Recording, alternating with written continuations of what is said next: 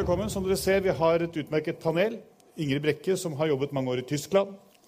Eh, Øystein Kløvstad Rangberg, som er vår europakorrespondent. Og Frank Orban, som er førsteamanuensis, det er et forferdelig ord, ved Distriktshøgskolen i Østfold. Og mye, mye mer. Og ekspert. Og Frank.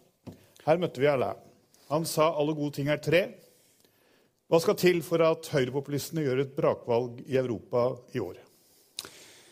Eh, jeg tror vi, vi har en trippelsituasjon, uh, trippelutvikling. Den første vil jeg kalle for transatlantisk, med Trump-effekten og effekten av brexit. Uh, det andre er jo den europeiske sirkelen, med de ulike krisene som kan øke omfang. Nye kriser som kan dukke opp. Og så har vi en nasjonal sirkel, som er den, måte den indre polit, altså politiske dynamikk i de ulike landene. Hvordan dynamikken i de ulike valgene Vi snakker om fra Nederland til Tsjekkia i år. Eh, hvordan den dynamikken vil foregå, vil være en konsekvens av interaksjonen mellom disse tre sirklene. Det er mitt svar. Eh, Øystein, hvorfor? Hvorfor er det så sterk? Nei, altså, jeg tror, For å forstå hva som foregår, jeg har brukt ganske mye tid på å prøve å forstå det. Jeg tror fortsatt folk ikke har helt den gode forklaringen. i hvert fall er god å høre det. Men jeg tror det britiske slagordet til nei-siden i EU-valgkampen er i hvert fall et godt utgangspunkt. Take back control. Det ligner på det man hører fra Trump i USA, det ligner på det Marine Le Pen sier. Det ligner på det de sier i Nederland, og det ligner på en del av det velgerne som vi møter rundt omkring i Europa, sier. Og da er det den følelsen at de har mista kontroll over, uh, over, grensene sine, innvandring, økonomi, uh, og at de nå må ta tilbake uh, et land, et land de har mista. Og så er det dette med at de etablerte partiene ikke tar dem på alvor. Eh, at de stemples som, som rasister. Hva, hva, mener du med at de etablerte partiene ikke tar dem på alvor? Nei, altså De stemples som, som, som, rasister eller irrasjonelle i tankegangen sin. og Det er jo konkrete eksempler. Vi har jo deplorables. Hillary Clinton, det hun sa i valgkampen i USA, det var jo ikke en smart ting å si. Um, og så har du David Cameron, som kalte dette UKIP-partiet i Storbritannia for en bunch of loonies, fruitcakes and closet racists på radio. Og det har han jo fått høre ganske mange ganger etterpå. Men eh, for å flytte oss da, eh, litt østover Tyskland, eh, Ingrid. Eh, det resonnementet som, som eh, Øystein her drar, er det det samme som du finner igjen i Tyskland og i de andre østeuropeiske landene? Altså, Tyskland er jo eh, kanskje det store unntaket her. I hvert fall i Nord-Europa. Altså, Spania er jo et land som knapt har en høyrepopulist. Og det kan man jo tenke seg kanskje har litt med mm, Franco, erfaringene fra Franco-tida å gjøre. Og det er jo litt samme grunn til at, eh, at eh, Tyskland så lenge, altså pga. krigen og nazitida, eh, så har jo Tyskland lenge vært veldig immune mot eh, høyrepopulisme. Jeg leste nettopp en sånn YouGov-undersøkelse eh, for hele Europa. Og da viser det seg jo at Tyskland er de som er mest immune mot dette. De skåra eh, bare 18 Det er liksom mottagelige for, høyre, for, populistiske holdninger, mens i, i, Polen var det 78% Frankrike 64 Så skal man ta dette litt med en sånn klype salt. Og så er det jo i bevegelse i Tyskland. absolutt, altså Dette partiet eh, Alternativet for Deutschland det er jo et veldig nytt parti eh, fra 2013. Begynte som et anti-europarti. Eh, gikk eh, sakte Hadde en liten sånn opptur, gikk ned igjen. Og så kom flyktningkrisen, og de bytta seg litt ut og slutta å være professorpartiet og ble da et sånt mer typisk høyrepopulistisk parti. Og så går vi tilbake til disse tre valgene som skal være i Nederland, eh, Frankrike og Tyskland litt seinere. Men, men, Frank, hva er det som kjennetegner denne høyrebølgen i Europa? Er, og kan du si veldig kort, Hva er forskjellen på den og, og, og Trump, eller er det, er det det samme? Jeg tror, jeg tror, det handler om, et, um, om en uh, tillitskrise, egentlig, overfor uh, etablerte politiske partier, og hvordan de håndterer de utfordringene som uh, man møter internasjonalt og nasjonalt. og du finner noen likhetspunkter mellom dem ikke sant? når det gjelder fokus på nasjonalisme som politisk, sant, som slår ut i økonomiske termer i, i proteksjonisme. og så sånn, et syn på hvem som er inngruppen og hvem som er utgruppen i samfunnet. Det kalles for nativisme. altså det, det, det, det, nasjonale samfunnet er et levende vesen og, og, og, og, består av egne elementer. Og de som er utenfor, de er ikke en del av det nasjonale fellesskapet. Og så har du en eh, veldig uh, sterk kritikk av altså Du har et veldig skille mellom, mellom eliten og folket. Uh, folket besitter sannheten, eliten uh, lyver og, og må settes på plass. Så de tre elementene finnes på begge sider av uh, Atlanterhavet. Og så skal man selvsagt uh, se forskjell mellom, uh, mellom, USA og Europa. Og så er det selvsagt regionale forskjeller mellom Øst- og Vest-Europa. som vi kanskje snakker om Hvis man ser på Ungarn og de landene i Øst-Europa, så er det historiske, historiske grunner som kommer på toppen av disse tre elementene som jeg nevnte. Men Øystein, du har interessert deg blant Er det økonomi, eller er det nasjonalisme som er drivstoffet i denne høyrebølgen som vi ser på kontinentet? Ja, altså, vi har brukt litt tid på å prøve å analysere det. for det, vi, jo, vi, vi, ser jo for eksempel, De snakker jo veldig mye om økonomi, de som er fra USA her. Og Der virker det som det er en driver som ligger under økonomisk ulikhet. Eh, men det som er interessant å observere, er jo at disse høyrepopulistiske partiene også finnes i noen av de likeste og rikeste landene i verden. Skandinavia og Nederland, som, snakke, som, vi skal snakke om etterpå, som har noen av de største. Så, så, jeg mener at det må være noe annet på gang. Og så er spørsmålet om hvorfor det skjer nå. Da tror jeg, i hvert fall i Europa, at at som utløser faktor nå, at det er en blanding av terror eh, og, og denne flyktningkrisen vi hadde, tror jeg ikke kan undervurderes. Pluss at man har altså, sosiale medier på en helt annen måte enn man hadde før. Eh, og så tror jeg de lærer av hverandre. Eh, når man ser på retorikken, eh, og hvorfor det kan spre seg såpass fort. Når Donald Trump gjør noe bra i USA, så, så gjør Marine Le Pen det samme uka etter. Eller politikere i Skandinavia. Men hvis nasjonalismen Ingrid, skulle være en drivkraft for dette, her, så finnes vel ikke noe land i Europa som burde vært bedre vaksinert mot nasjonalisme enn Tyskland? Eh, sånn at Er det der andre ting man ser som driver AFD framover? Altså Der tror jeg det, eh, det har handla veldig mye om flyktningkrisen. Og det er også en veldig sånn anti-Merkel-bevegelse i det. Altså Jeg har jo vært på noen sånne eh, arrangementer både med AFD og med Pegida, som kan sies å være litt sånn eh, utkant-AFD. Og da er det jo alltid veldig masse fokus på Merkel og, og sånn. Og det skyldes jo selvfølgelig rollen hun tok i, i flyktningkrisen. Men det skyldes jo også kanskje dette at hun har uh, sittet ved makta så veldig lenge og blitt liksom det ultimate symbolet på, på det europeiske, uh, sterke Tyskland, som er nettopp da ikke uh, nasjonalistisk. Um, ja. er, er, er, det nasjonalismen vi nå ser på vei tilbake i Europa, som driver det?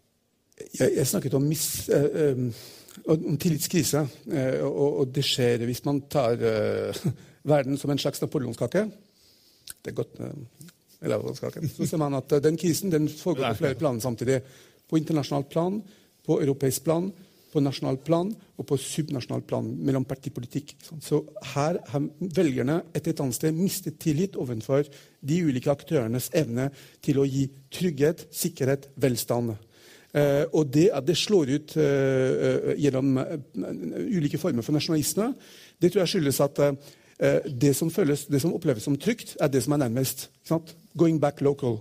Altså Man klamrer seg til man, det man kjenner, og det er veldig ofte, i, i, hvert fall i vår del av verden, i Europa, det er det nasjonale fellesskapet. Det er nasjonalstaten.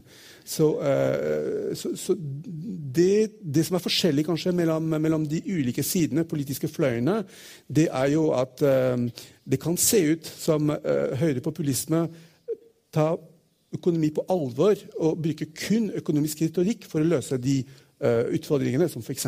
masseledighet, uh, vedvarende lav uh, vekst i økonomien og alt. Men i virkeligheten så, så, så brukes dette som fordekt argument for å pøse inn med annen type ideologi sant, som er preget av mer tradisjonell nasjonalisme. og av, av, og til så er det vanskelig å skille på en måte det som er tradisjonell nasjonalisme, med den nye formen for retorikk som brukes f.eks. i Nasjonal Front. Men, de, men sånn som Nasjonal Front har jo funnet uh, formelen. Uh, innvandrerne er jo skyld i alt, på en måte. Uh, ja, ikke bare innvandrerne. ikke sant? Altså, det, det, det, det, går i tre retninger. Du har innvandrerne, nei, fire retninger. Du har politikerne, og så har du innvandrerne. Og så har du EU, og så har du global kapitalismen, liberalismen. Man, skal, man skyter løs på de fire samtidig og, og, og, og tilbyr en, en, ny package som skal gi trygghet, sikkerhet og forutsigbarhet for de gruppene i samfunnet som føler seg sviktet eller, eller forlatt eller glemt. Øystein? Jeg, jeg, tror innvandring er, er, kanskje den sentrale, en av de hvert fall mest sentrale forklaringene her. I hvert fall på tvers av mange land, hvis man skal prøve å finne én ting. Vi la ut en sak på Aftenposten i dag om en helt ny undersøkelse fra Storbritannia, hvor de spurte, stilte spørsmål som ligner litt på det Trump har foreslått i USA, dette med å nekte muslimer å komme inn i landet. Hvor de sa sånn All nyinnvandring fra land som hovedsakelig er muslimske, bør begrenses. Så spør de folk er de enige eller uenige i det. Og da sier 61% av franskmennene at de er enige i det og 16% er imot, og resten vet ikke. Og Det var på en måte eh, altså, linja over hele fjøla i europeiske land, bortsett fra Spania, hvor det var under 50% som mente det. Så jeg, jeg, tror det sier noe om at jeg tror det er derfor Marine Le Pen er såpass immun mot en del type kritikk for de er de aller hardeste i disse innvandringsspørsmålene. Og det er noe som de etablerte partiene ikke har fanget opp. Uh, ikke, det, reflekteres ikke da, i partietablissementet, disse ønskene fra folket. Og det er det selvfølgelig flere grunner til. Vi skal bare ta et par runder til her, så skal vi slippe til salen. Men Ingrid først. Nei, Jeg bare tenkte på dette når man snakker om, om økonomi og sånn. Det, eh, det, liksom, det, ligger så mange ulike perspektiver på det òg. Vi, vi hørte jo i stad denne frykten for hvordan fremtida skal bli. At, at de neste generasjonene får det eh, dårligere. Men det er også, særlig i, i østblokkland og i, i, den østlige delen av Tyskland, så er det jo bitterheten over at det ikke ble sånn som man trodde var man blitt lovt. Eller, eller, og det kan også være sånn um, at uh, f.eks. I, i, i, Polen, da, uh, uh, som jeg har fulgt ganske tett, så handler det jo mye om at uh, de har det så mye bedre i, i Tyskland. Altså man sammenligner seg med naboene, og så syns man man har blitt snytt fordi det gikk ikke så fort framover som man trodde. Mens jeg som kommer utenfra, tenker at de burde jo sannelig meg sammenligne seg med hvordan de hadde det for 30-40 år siden, og da har det gått voldsomt fremover. Men sånn er jo ikke folk konstruert. Det er jo ikke sånn man tenker. Man sammenligner seg alltid eh, med det rundt. Og det forklarer vel også litt om hvorfor dette kan komme så sterkt i veldig eh, velstående, rike land. Fordi det er alltid noen andre som har noe mer, eller som man liksom føler eh, Man har alltid blitt fratatt noe, eller, eller eh, altså den type ting. da, Og det spinner de jo veldig på. De frir til alle disse litt ugne følelsene i oss. Men vår venn fra, fra Frischhus, denne Front National, som har vært konservativ tidligere, han startet jo hele innslaget, og det var åpenbart viktig for han å si at vi er ikke, altså, dette er ikke Hitler om igjen, dette er ikke 30-tallet eh, om igjen. Er det en fare for det, eh, Frank, du som eh, har studert dette, at vi liksom nå står på terskelen til en sånn ny epoke hvor vi får eh, hvor demokratiet undergraves, den samme krisen som man hadde på 30-tallet? Eller er vi vaksinert mot det, så dette er noe annet? Hvis du, hvis du betrakter høyrepopulisme, eller for så vidt venstrepopulisme, som svulster, som, eh, som smitter over en, et, et, et sunn Vesten. Og Hvis du tror at ved å fjerne svulsten så fjerner problemet, problemet så, kan det, så du kan alltid tenke sånn. Men hvis du tenker på at dette kommer innenfra, det er våre samfunn som produserer den type tenkning, så er det slik at sånne bevegelser, politiske bevegelser må tas på alvor. Eh, og, det er det som er kritikken mot de etablerte partiene og mot eh, på en måte konsensus mellom, mellom de kristelige liberale og de sosialdemokratene. Det er at de har på en måte kjørt sitt løp. Eh, enten måtte det være i EU, måtte det være i forhold til liberalisme og alt. Og så har de glemt egentlig å ta med seg folkets røst. Så de, disse høyrepopulistiske og venstrepopulistiske partiene har klart faktisk å fange opp misnøye, og den misnøyen er veldig uh, mangsidig. Uh, det kom en, så på en veldig spennende reportasje fra fransk TV for to dager siden som handlet om to homofile menn som forklarte hvorfor de nå er medlem i, eller hvorfor de støtter Nasjonal Front. Hvordan kunne homofile menn kunne bli uh, kunne støtte Nasjonal Front. og Det hadde vært helt utenkelig for ti år siden. Jo, fordi at staten har forlatt dem, og Nasjonal Front har en retorikk som gjør at partiet er det eneste som kan gi dem sikkerhet. Men hvis du ser på, altså, Du har fått høyrepopulistiske bølger stort sett i Europa. Kanskje med unntak altså Hvis du ser på EU, så er det slik at Høyrepopulisten men er ganske sterk i de landene som betaler penger inn til EU. altså De er redd for at de må dele for mye. Mens venstrepopulismen er ganske sterk i de landene som vil ha penger fra EU, sånn som f.eks. Hellas. Eh, er det, liksom blitt, er, det det som nå er skillelinjen eh, mellom disse bevegelsene? Altså er De som ser på EU som en melkeku, og de som ser på det som en utgiftspost? Snakk til meg. Ja, for eksempel. Ja, ja, eh, men samtidig så er det ikke bare snakk om penger. Det er snakk også om nasjonal suverenitet. Eh, det er en trend nå som gjør at man fatter mistillit overfor Brussel og det politiske miljøet i Brussel, hvor man vil bringe uh, suvereniteten tilbake til statene. slik at Økonomien er jo en, en, en, en, pilar, eller en søyle i den kritikken. Men, men det, det, det finnes mange andre elementer i den eurokritikk eh, som man finner i de ulike landene.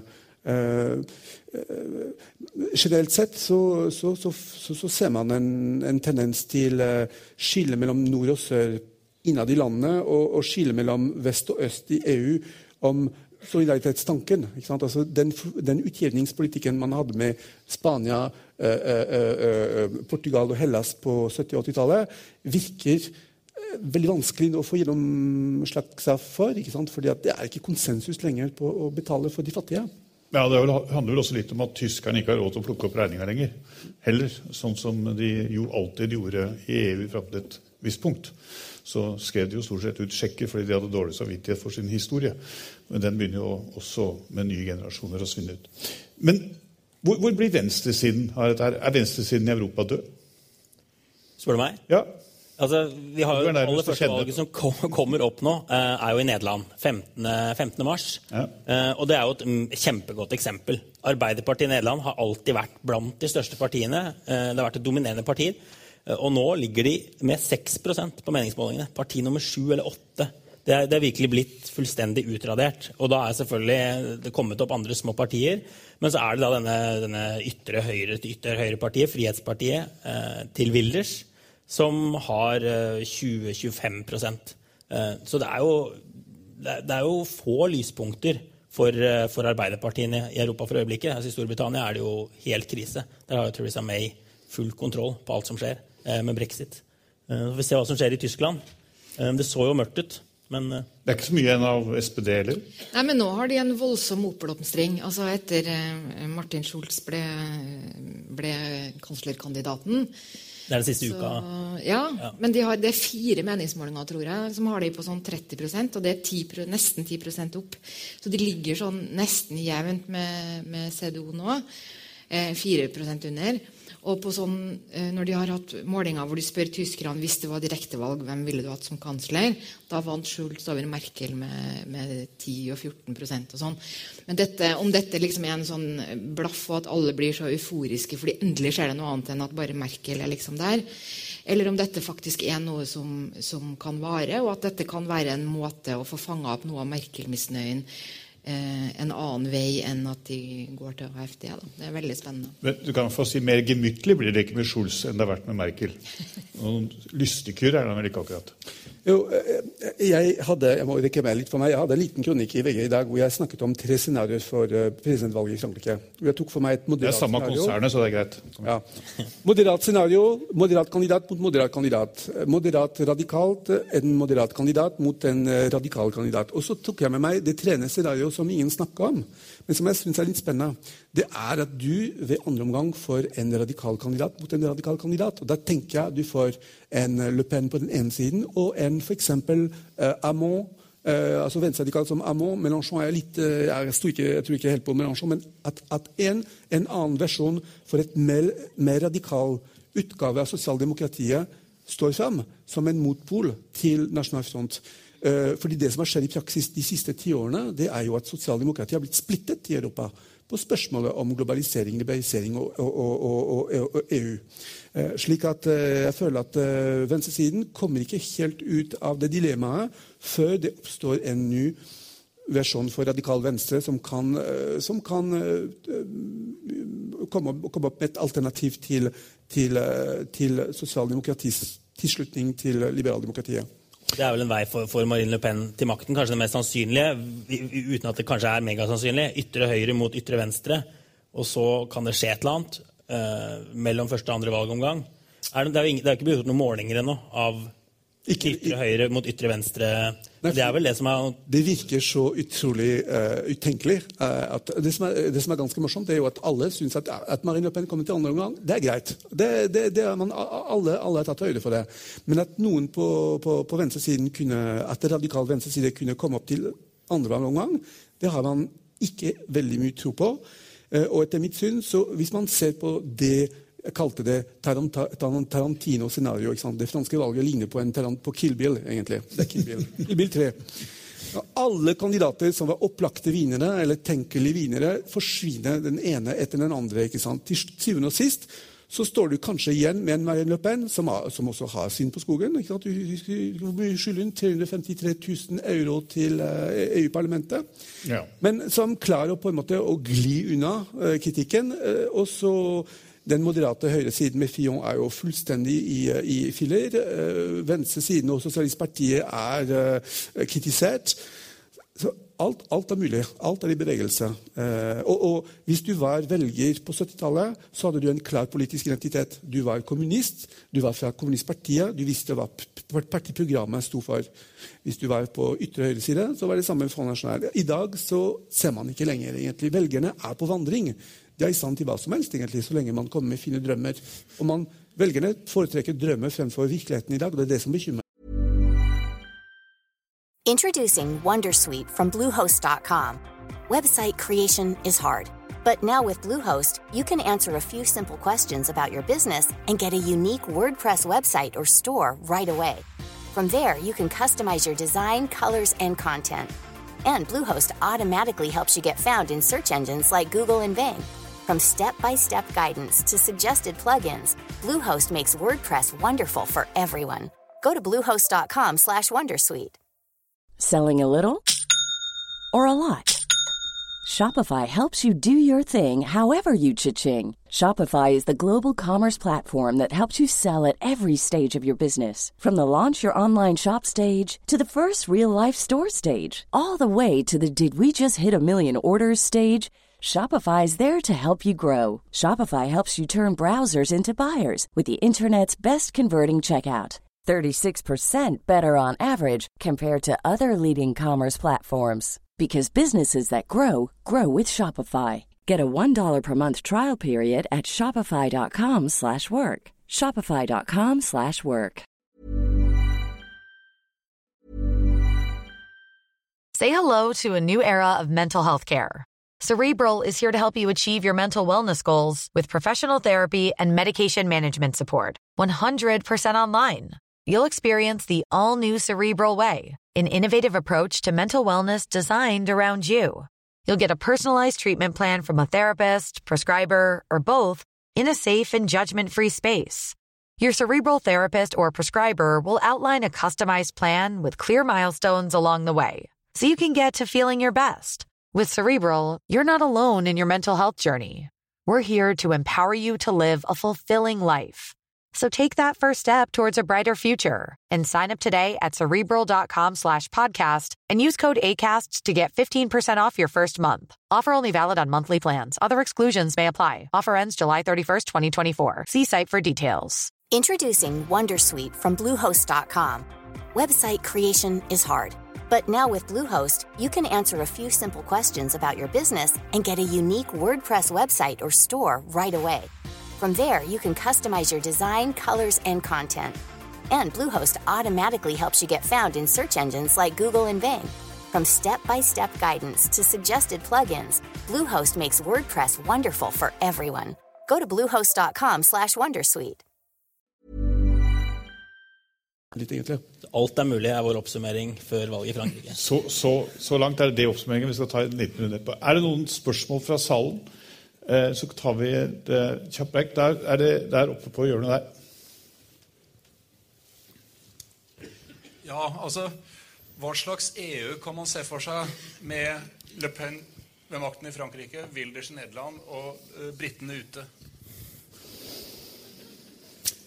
Ja, neste spørsmål. Øystein. Altså, Wilders i Nederland eh, Vi kan jo si at det, mest, det som ser mest sannsynlig ut nå, er at Wilders blir størst. Han kan få 25% kanskje 30% av setene i parlamentet, men han har jo fortsatt ikke flertall. Eh, så det spørs om det blir noen folkeavstemning. Men det kan hende han klarer å presse fram det. Og det kan jo være en, en vei ut. Eh, men, men det, er, det, er, liksom Det er veldig vanskelig å si, si, hvordan dette kommer til å se ut i Nederland etter valget. Eh, Willers har jo vært støtteparti før. Han sier at han vil bli statsminister. Det er ikke så veldig sannsynlig. Hvis Le Pen blir altså Det er jo fortsatt en vei fra også Le Pen-seier i Frankrike til utmeldelse av EU. De skal ha en folkeavstemning og sånn. Men, uh, men, det blir ikke noe United States of Europe hvis, uh, hvis uh, Le Pen og, og Willers vinner. Da, det, er vel en, det, er siden, det er vel en stund siden noen drømte om det. Det er jo fortsatt folk som drømmer om det. Ja, det er noen som drømmer, men i edru tilstand, mener jeg. Ja. Ingrid? Det, det jo også, har jo vært veldig sånn at man har kunnet stort sånn på at eh, for Tyskland er, er høyeste prioritet av, av, alt det å holde Europa samla. Og det har de kunnet ofre nesten hva som helst for å få til. Mens nå har du både den situasjonen at veldig mange føler jo at de ble på en måte latt i stikken av resten av Europa i flyktningkrisen ved at de trodde, og det var ikke bare Merkel som trodde, men man trodde på en måte at det skulle gå an å få til en felleseuropeisk løsning, som jo ikke kom. Og så de, ser de det ene eh, antidemokratiske regimet etter det andre komme til makta i Øst-Europa. Og så får de da Le Pen, Le Pen i, i, Frankrike, og så får de enda Nå er det jo full baluba i Hellas igjen. og sånn. Og så, så det, det, som jeg tenker er veldig spennende og nifst, er jo at du, når kommer du til det punktet hvor Tyskland bare liksom Ok, vi kan handle med Kina. Vi, altså, vi trenger ikke å holde på med dette. Altså, ja, det, det, er veldig, veldig, spennende når den der opinionen snur. Da. Det, men, ja. Frank, vil du si noe før vi Jo, øh, øh, man på, Når man ser på, på programmet til Marine Le Pen, for eksempel, husk hun må vinne først. Det er ikke gjort. Hun skal tross alt ha 50% pluss én stemme. Og i differansevalgsystemet så er det veldig vanskelig å, å, å, å vinne når du kommer fra utsiden, som Nasjonal Front gjør. Og så, enda viktigere, etter presidentvalget så kommer det et parlamentsvalg. Og du skal ha flertall i parlamentet. For første gang så kan du få en president som er utnevnt, la oss si Marine Le Pen, og så taper hun parlamentsvalget etterpå. Og da kommer man inn i en, i en slags koalisjon mellom en president fra den ene fargen og uh, en, en, regjering fra motsatt farge. Men det var ikke det jeg skulle til.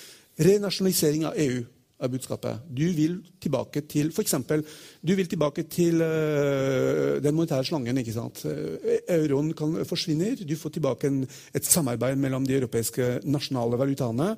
Uh, det er mulig. Du vil få grensene opp igjen. Du vil få så, så, Som du sier, altså tanken om et føderalt Europa er begravd.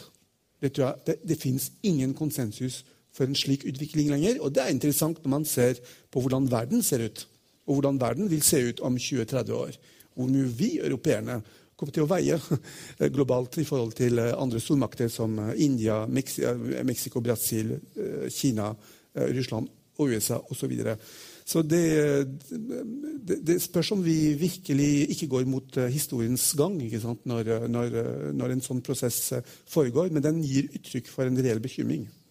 To av de landene nevner Kina, nei, Brasil og USA har jo sittet og slitt med Eh, de også.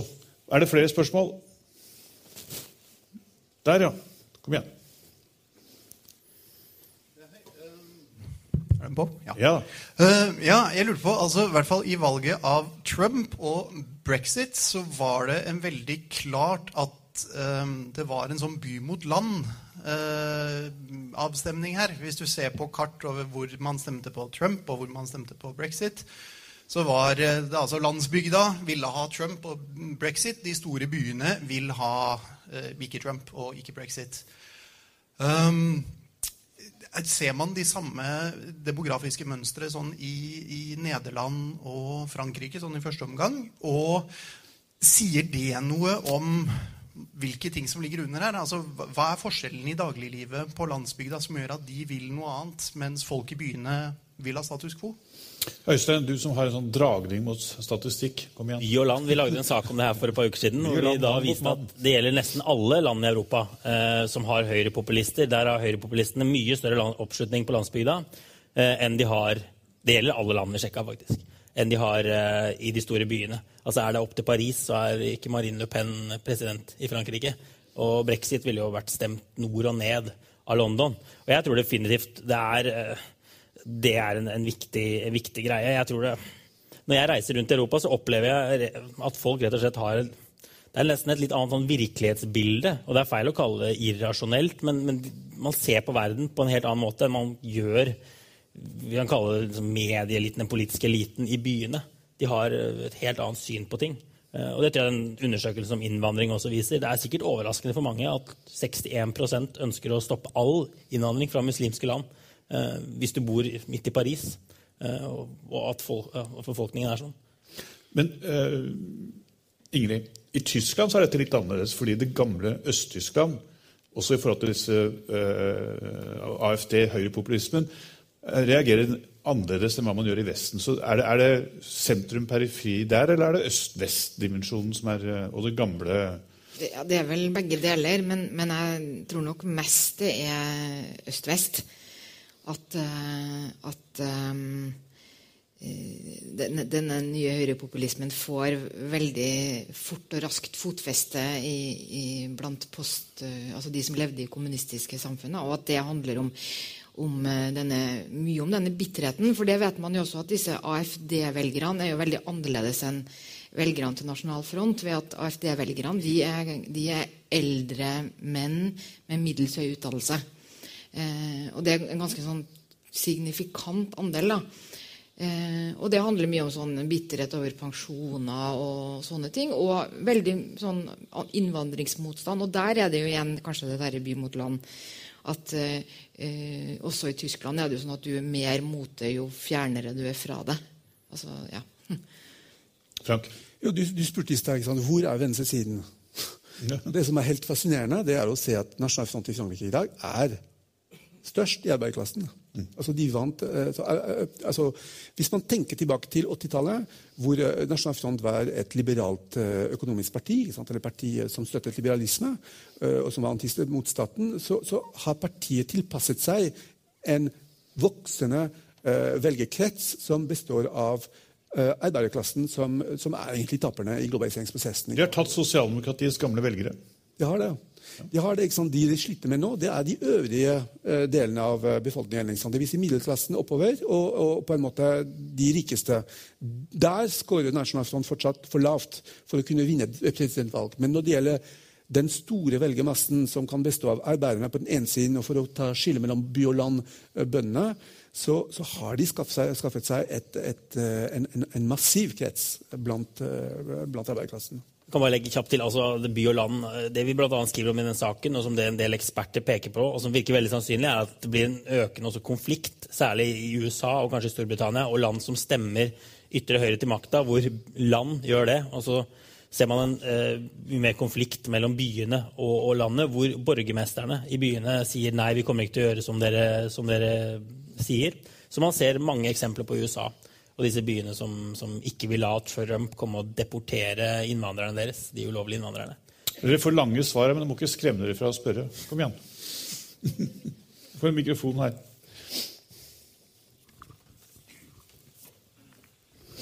Dette er et veldig sånn uformulert spørsmål. Men uh, Kom igjen. enten, enten kommer, du dreier til høyre eller venstre, eller hva du gjør, så er det med en følelse at kanskje politikere og debattanter ikke lenger har kontakten til menneskene i den enkelte nasjon.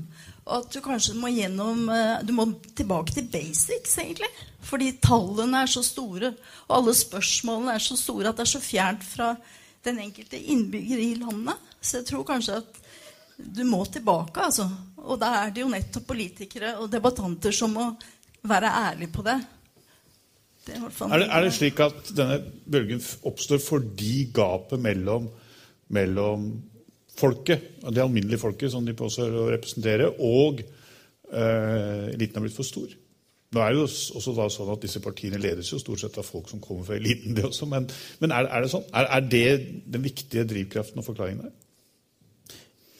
Altså, eh, det som i hvert fall er tydelig da, nå, det er jo at disse store, klassiske partiene sliter mest, og at motsetninga mellom sosialdemokrater og kristeligdemokrater den er nå så liten eh, Eller mellom Høyre og Arbeiderpartiet. Den er blitt så liten at den oppleves irrelevant for utrolig masse folk. Og det tror jeg handler litt om det du sier.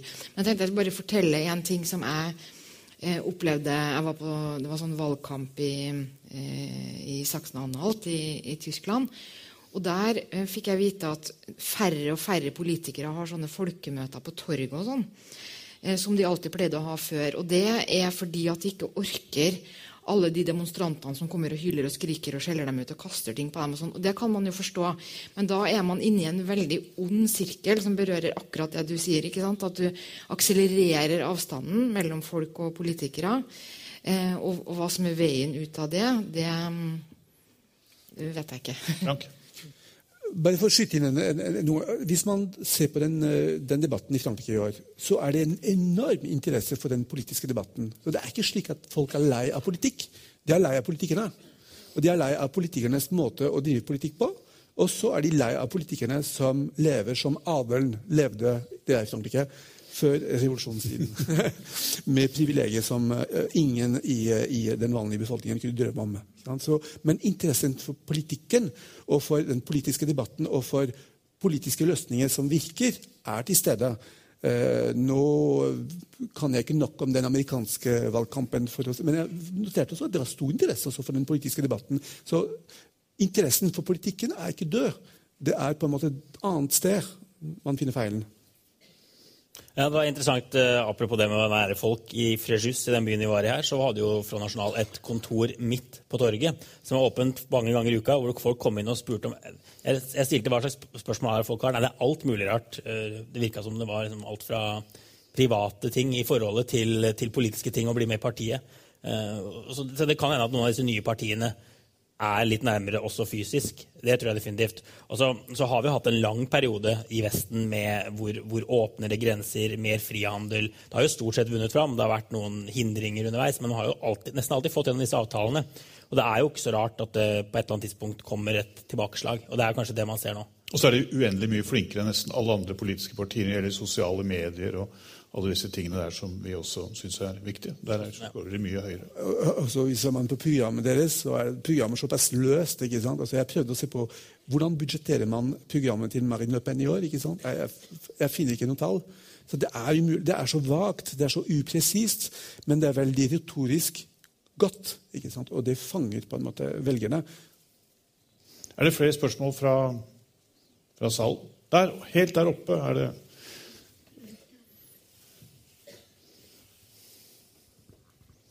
Jeg, jeg, bare lurte på, Nå er det veldig mye snakk om, eh, på samme måte som det var før eh, Trump vant, hva som vil skje hvis Trump vant. Nå er det mye snakk om hva som vil skje hvis Le Pen vinner, hvis Wilders vinner.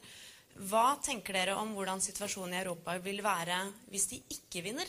Altså hvordan måte, den store nesten 50% i hvert fall som man snakket om i USA, da, som da uh, uansett ville støtte Trump, vil være hvis de ikke kommer til makten? Frank først. Ja. Eh, for det første så har de ikke vunnet så veldig mye hittil. Altså de, de, får økt oppslutning i de aller fleste land, opptil 20-30% men de har ikke vunnet noe valg. Altså det var for så vidt en risiko i Østerrike i fjor, eh, men, men, men FPØ tapte til slutt. Eh, knepent. Men, knepent. men dog. Men det som skjer da Du får jo i Europa det samme som vi snakket om i Frankrike på 80-tallet. Vi snakket om lepenisering av den politiske debatten ved at den politiske debatten ble mer og mer preget. De temaene som Nasjonal Front fronta. Eh, og Det vil man også se i europeisk politikk. Det vil si at Selv om de ikke vinner direkte, så vinner de eh, meningens eller krig om meningene. ikke sant? Det, det har man sett. Ja, og hvis, La oss si at en, en ordentlig liberal, markedsorientert, frihandelsorientert, innvandringsorientert person vinner i, i, Frankrike nå, da, så er det jo ikke sånn at Marine Le Pen er slått for godt. Da øker vel bare sannsynligheten for at hun vinner neste gang. Det er vel, altså, ja. Disse høyrepopulistiske partiene har jo bare økt og økt og økt over tid. Og det er jo foreløpig lite som tyder på at de forsvinner. Når de har makt, så, så kan de ofte dabbe av noen år, som vi har sett i Danmark, og så er de tilbake igjen. Så de, de har jo en, en, en, en, veldig sterk base. Men vi må jo, vårt utgangspunkt er jo at Marine Le Pen ikke blir president i Frankrike, og at uh, Willers ikke blir uh, statsminister i Nederland. Men de Men, påvirker allerede debatten kjempemye. Du ser jo... Det, og det, er det, det jeg vil gjerne vil at dere skal runde av her med. Ja. Eh, The Economist skrev for noen uker siden at egentlig har de vunnet allerede. Velgerne kommer dem i møte. Debatten har flyttet seg, ikke minst på innvandring. Er det sånn at de for, eksempel, for å begynne med Tyskland først, har på en måte AFD satt dagsorden? Har de på mange måter vunnet allerede før valget? At de har vunnet er veldig sterkt, da, men at de har påvirka eh, tysk politikk eh, ganske kraftig, det er jo utvilsomt. Altså både det at eh, altså, altså, Siden kanskje to måneder etter at, eh, at flyktningkrisen begynte. I all tid etter det så har jo ikke Merkel og regjeringa gjort så mye annet enn å komme med stadig nye kunngjøringer om innstramminger. Eh, enten de nå er reelle eller, eller, det, eller det er retorikk.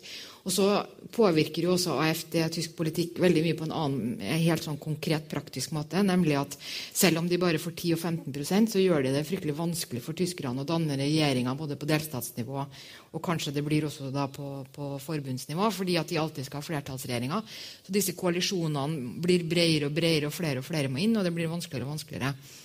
Men, eh, men jeg, bare til slutt, jeg tenker også at det som skjer nå, er kanskje også sånn her, Man har vært altså, Mainstream politikere, alle oss som er liberale i hjertet, og sånn, har kanskje vært eh, litt late da, og ikke brukt så mye tid på å forsvare det vi faktisk har, og, og tenke at vi må jobbe for saken. Man har tatt det som en selvfølge at alt bare skulle fortsette å gå fremover. Og, og uansett, altså, om, om de nå ikke vinner frem denne gangen, så har vi jo så, så, kan vi jo ikke bare fortsette sånn. Vi, må jo, vi må jo ta oss sammen, da, eller politikerne og vi journalister eller den liberale eliten eller eh, de urbane, eller hva man skal kalle dem, må jobbe litt mer for eh, noen må ta seg sammen. For sakene våre. det høres ut som en konklusjon på leder i Aftenposten. ja. eh, Øystein? Ja, det er, Apropos det å ta altså Wilders bruker jo en knallhard retorikk i Nederland. Men det er jo ikke mange ukene siden Rutte, som er statsminister nå, sa at uh, innvandrere måtte bli som nederlender. Sa han rykket ut en svær annonse? Ja, det var en annonse til og med. Ja. Måtte bli som en nederlender eller gjøre som, som, de gjorde der, ellers så kunne de stikke. Gå i tresko og spise goudaost. Ja, så, Nei, altså disse, disse, partiene de er jo, eh, som jeg prøvde å si, man kan, betra, man, kan, se på dem som svulster, eller man kan se på dem som en del av oss. ikke sant? Eh, og, og, og her ligger det kanskje, kanskje en del av løsningen. Dvs. Si at de etablerte partiene eh, er nødt til å ta et skritt bakover. Se hva, hva er det vi har gjort, egentlig? Hva, det det bring, altså, hva, hva, slags konsekvenser har det hatt for nasjonalpolitikken? Og så vil det komme uh, korreks av, av, den politikken. Det, det er en mulig, det er, jeg tror det er et ganske rimelig utfall av, ja. av den prosessen som skjer nå. Ting vil bli endret, og politikken som den føres nå i Europa, vil bli ført på en annen måte enn det som har vært hittil. Jeg tror Hvis EU for skal redde seg selv, så er det aller viktigste de gjør nå, er å sikre yttergrensene sine og gi folk en følelse at folk i hvert fall ikke bare kommer inn i unionen uten videre for å sikre fri, eh, frie flyten innad i unionen. Og dette er jo press fra partier på ytre høyre som gjør. Og partier på ytre høyre er jo ikke noe annet enn folk som stemmer på, stemmer på disse partiene. Og jeg tror, altså, hvis du ser på Theresa May i, USA, nei, i Storbritannia, hun har, gjort, hun har, jo endret retorikken sin litt for å fange opp en del av disse UKIP-velgerne. Og det tror jeg du kommer til å se flere, å, flere som gjør. og det kan kanskje høres litt sånn rart ut hvis man liksom tilhører en veldig liberal tradisjon. Det kan kanskje skurre litt når Theresa May sier det hun gjør. Under den eh, konservative partikonferansen så sa hun dette kjente Hvis du tror du er en verdensborger, er du ikke en borger av noe sted. Du forstår ikke hva ordet borgerskap betyr, eh, sa hun. Og det skjærer jo sikkert hjertet til en del verdensborgere. Men, eh, men, det går sikkert hjem hos briter flest og viser at hun, hun justerer seg da, etter, etter velgerlandskapet. Men, dere, men, hvordan er det med deg, Frank? Du skal jo til og med stemme i det franske valget, du, antakeligvis. Jo, jo, jeg skal, jeg skal det. Ja, eh, hvordan er det med nattesøvnen, da?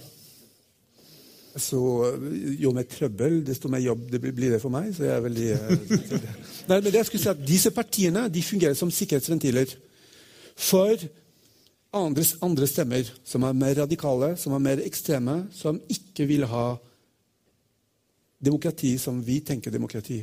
Sant? Når Viktor Orban Ikke onkelen min, men uh, når, Viktor Orban, når Viktor Orban snakker om et illiberalt demokrati, så må vi skjønne at her er vi et konkurrerende prosjekt. Dessverre så har vi ikke tid til å snakke om Øst-Europa og koblingen til Russland og den fascinasjonen man har for Putin uh, i enkelte høyrepopulistiske og høyradikale partier i Europa. Men det er veldig interessant.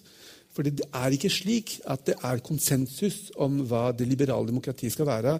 Og populistene har også en uh, nytteverdi i å på en måte uh, sende oss noen signaler sant, om hva som må endres i den politiske debatten for å unngå at ting uh, skeier enda mer ut. Da sier vi at det på en måte er konklusjonen av denne debatten, at høyrepopulismen har en nytteverdi. Denne debatten her kan dere høre om igjen på podkasten vår Aftenposten Verden hvis vi har lykkes med teknikken å ta den opp. Det håper jeg har gjort. Og så kan Eh, Eh, da eh, Kristoffer eh, får ordet til slutt. Og vi takker for oss. Tusen takk til panelet.